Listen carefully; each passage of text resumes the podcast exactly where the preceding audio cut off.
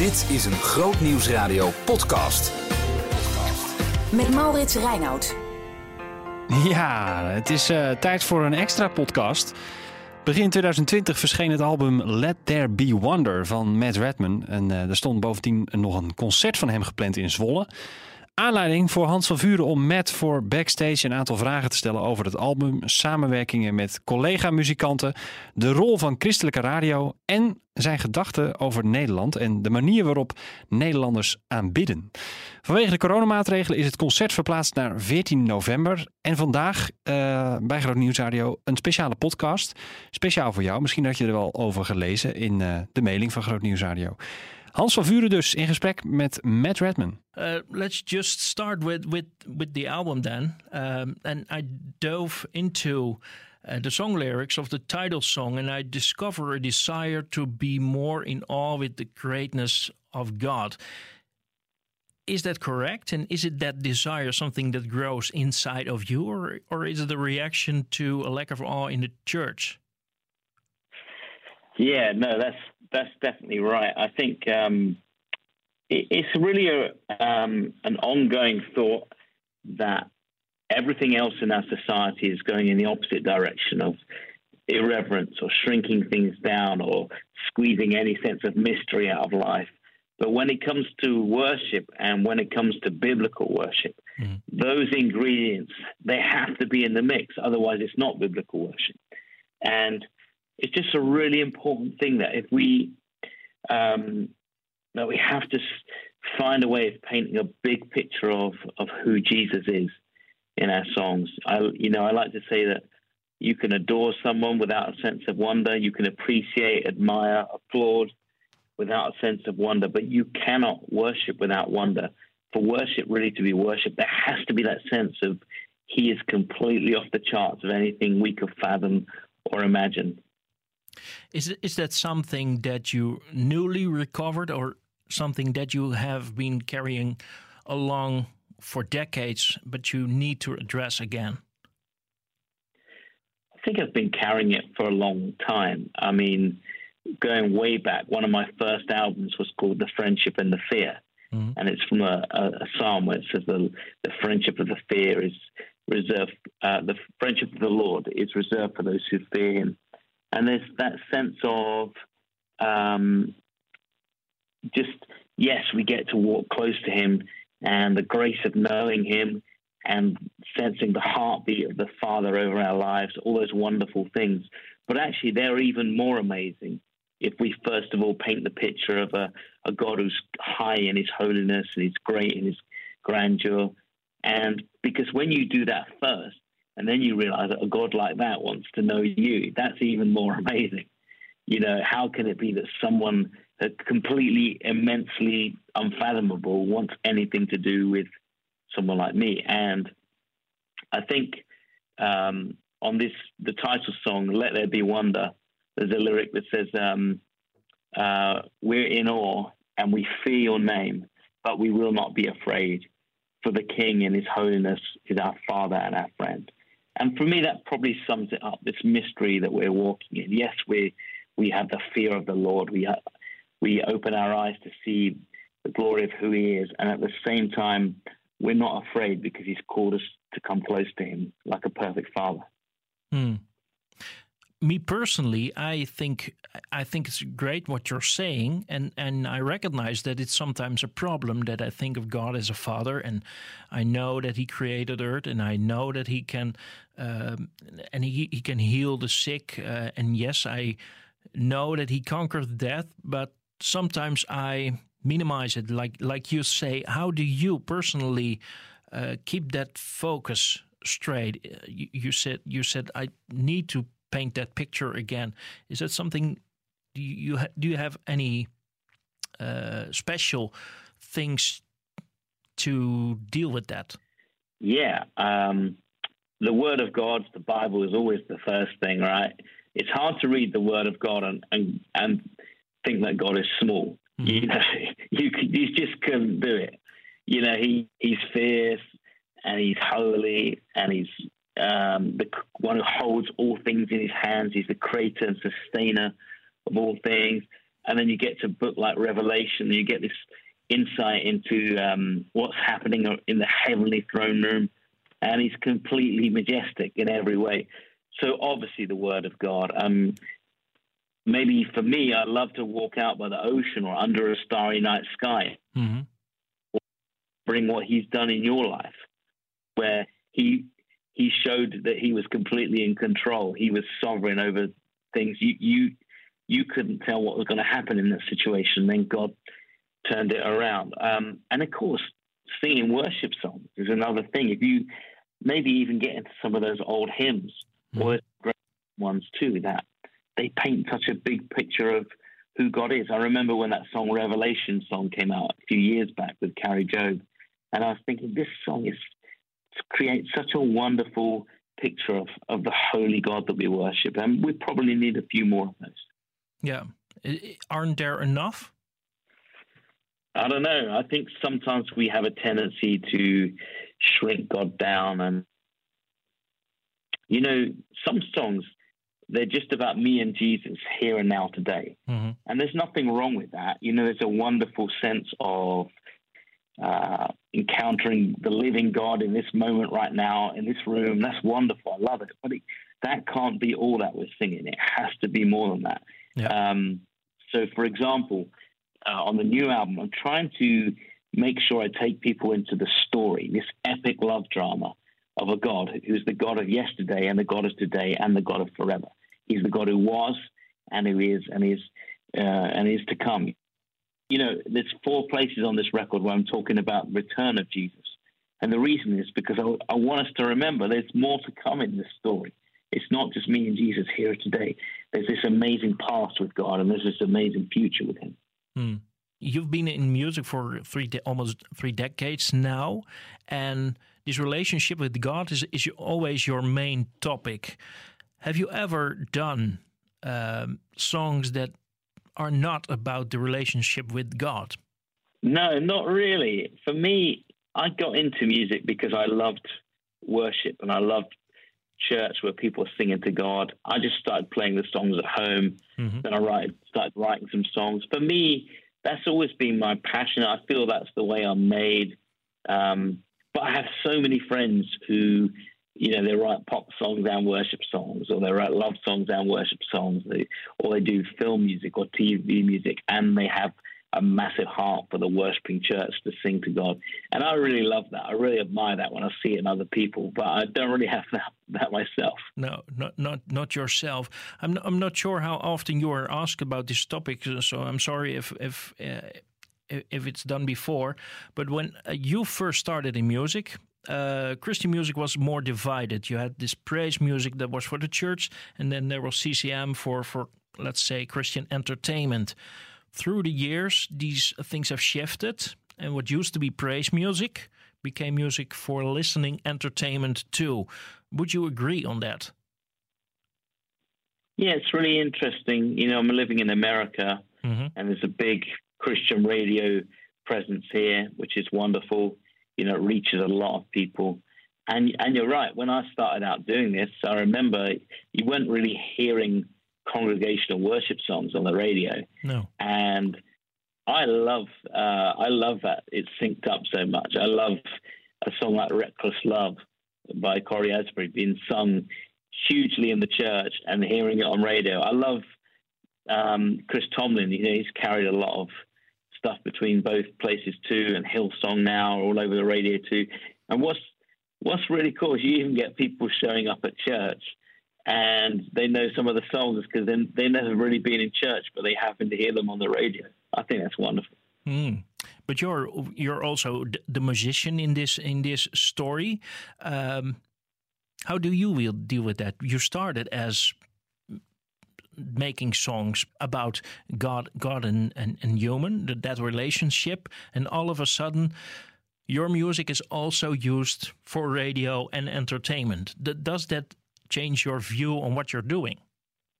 Well, I think the thing is, I don't think the Christian radio stations are using it for entertainment. I think it's more they're using it as ministry, and and so it's just a different form of mm-hmm. of ministry. And I, I, you know, I think my hope is that when people, when a song of mine comes on, or or a congregational worship song, um, that people find a moment of worship right there in the car or or on their uh, with their earpods in or whatever they're doing.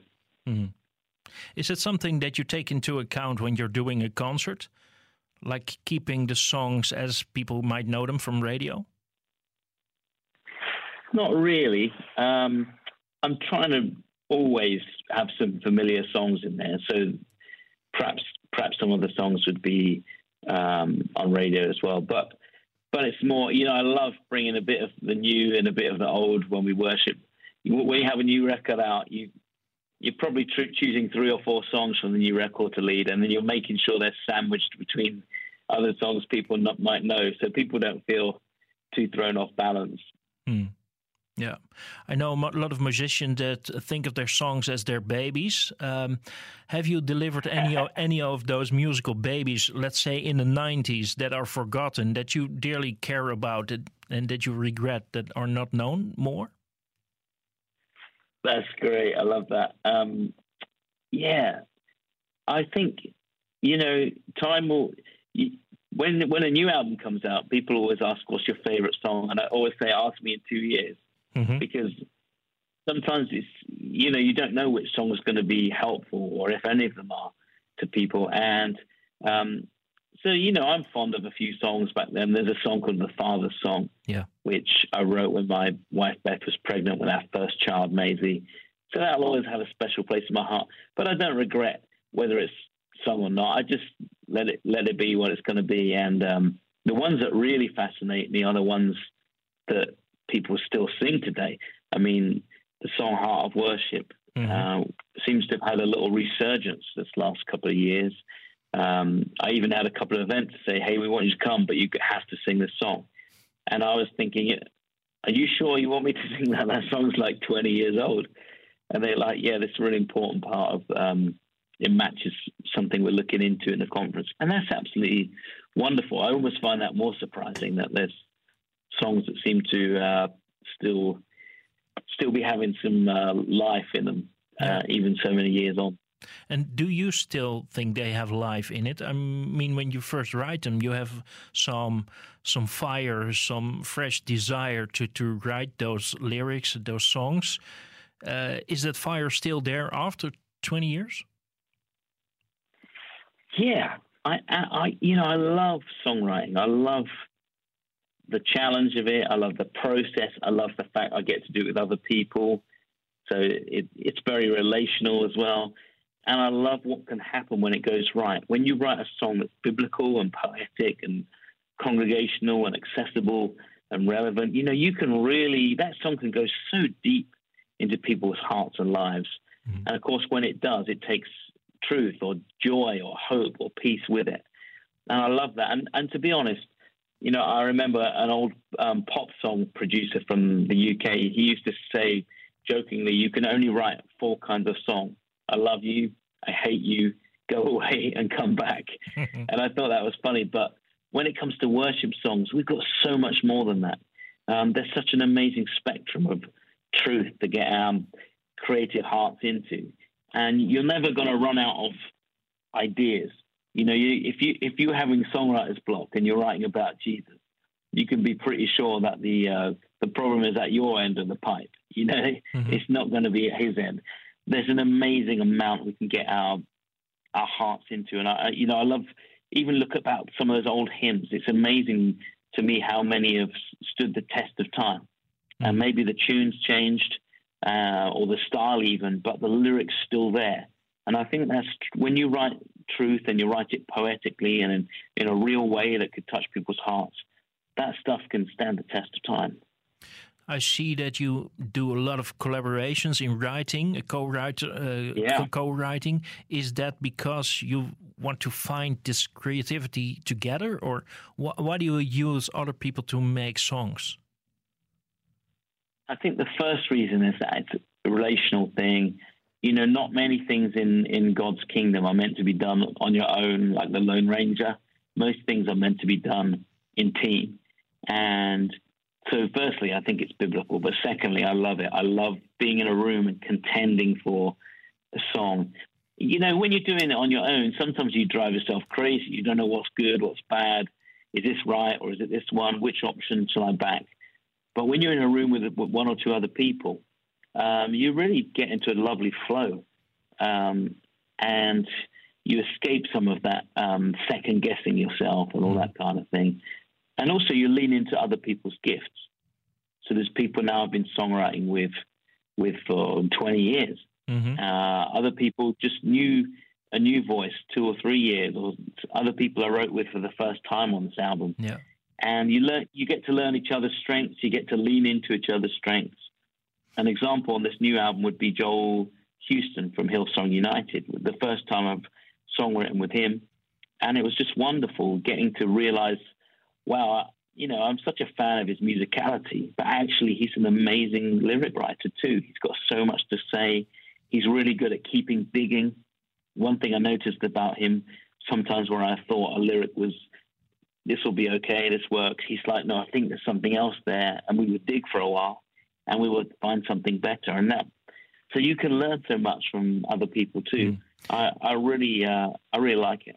Uh, can you write with with anybody, or uh, is there like a process first that you that you first say, okay, we, we need to get to know each other, have a cup of coffee first, uh, talk talk yeah. more before? How how does it go? When when do you decide to write with somebody? Usually, these things come out of friendship or relationship. I don't do many songwrites where I don't know the person first. I mean, there's one song on this album called "We Praise You" where I wrote it with um, Phil Wickham and Brian Johnson from Bethel, and also uh, Brandon Lake. And we started the song. In fact, um, Brian and Brandon had a little idea. Then I was with Brian one time, and we wrote some more on it. And then Phil got into the process, and the four of us are all friends, but we never had one moment where we were all in the same room mm. during the writing of that song, which is great. Um, yeah, and but but it's it often flows out of relationship. Yeah. Um, there's a guy called Jason Ingram. I co-wrote a, song, a, couple of songs on this album with. We go way back. Yeah. Uh, you know, we've been writing well over a decade. Mm-hmm. He wrote Lauren Daigle's songs, "You Say" and uh, "How Can It Be." He, yeah. He's written some wonderful recent songs, "King of Kings" by um, Hillsong, and and when you're in the room with him, because we've been writing together for so long, we know where each other's strengths are. We know when to trust each other on an idea. It counts for so much. Let, us look into the, the concert. Um, you've been to yeah. the Netherlands a whole lot of times. At first, a lot with uh, Soul Survivor. Uh, let's say you're on a play, plane to, to the Netherlands. What kind of memories come to mind when you think of our country? Oh man, a lot of good memories. Yeah, going way back to Soul Survivor and some other conferences I did around then. Um, you know, I love the. Uh, I think Dutch people have a lovely, like a mixture of seriousness and joy in worship. Mm-hmm. So you know, they're very they. There's there's definitely joy in the mix, but there's also like a seriousness of like I'm I'm going to mean this and I'm going to make this mean something, and uh, that's really lovely. That's a lovely uh, uh, dynamic, you know, when, when we leave there. Um, and it's nice not to have to drive up any hills, you know, it's lovely flat land you have there. yeah, that's true. Um, and any country that can reclaim that much land from the from the sea is amazing to me. I, I, it, that always is incredible to me. I'm like, these guys are geniuses. Uh, yeah, yeah, that, that, uh, that's your quote. but, but, thanks on our behalf. Do you have any idea about the program for the concert already? Is it, would you say it's a promotional event for the new Let There Be Wonder show, or is it an overall uh, worship event with Matt Redman songs? It's going to be an overall worship event, but we're going to do, you know, old songs, new songs. Um, and we're going to just talk to Jesus together through our music. You know, that's what I love the most. Mm-hmm. We get in, into this wonderful conversation with the living God. It's not just a concert. It's it's definitely a, a sense of um, aliveness. Mm. You you've been in, in music for, for quite a while now, so you also have this this routine of doing a record, playing shows, uh, no, not shows, worship services, uh, doing a record again, playing live again. Do you ever had or ha yeah have this this moment that you think been there, done that, not again to the Netherlands? Uh, I've been there so, so many times. Uh, play they played these songs over and over again. Do you ever think why I'm do why am I doing this? Uh, you know, it. I mean, I don't travel too much, but but also I, when I get to come to a different country, there's there's always something around that. You know, I lead a lot in America. I lead a good bit in England. So whenever you get to go to another country and and see something of the heartbeat of the church there. That's always a wonderful moment. And, um, you know, just it's, isn't it fantastic? You show up and there's a different language and there's different um, culture and all these different things, but we have this amazing unifying factor that we all love Christ. And I, I'll never go tired of that, I don't think. No. So you keep going this, doing this for a couple more decades. let's see how we go. Yeah. Yeah. Okay. I want to thank you for your uh, explanation, for your uh, passion, for showing up in the Netherlands. Uh, I wish you the very best this uh, media day, uh, this media period. um, and uh, thanks. Hey, it's great to speak to you. Thanks so much. I, I look forward to seeing you in June. Behoefte aan meer? Grootnieuwsradio.nl slash podcast.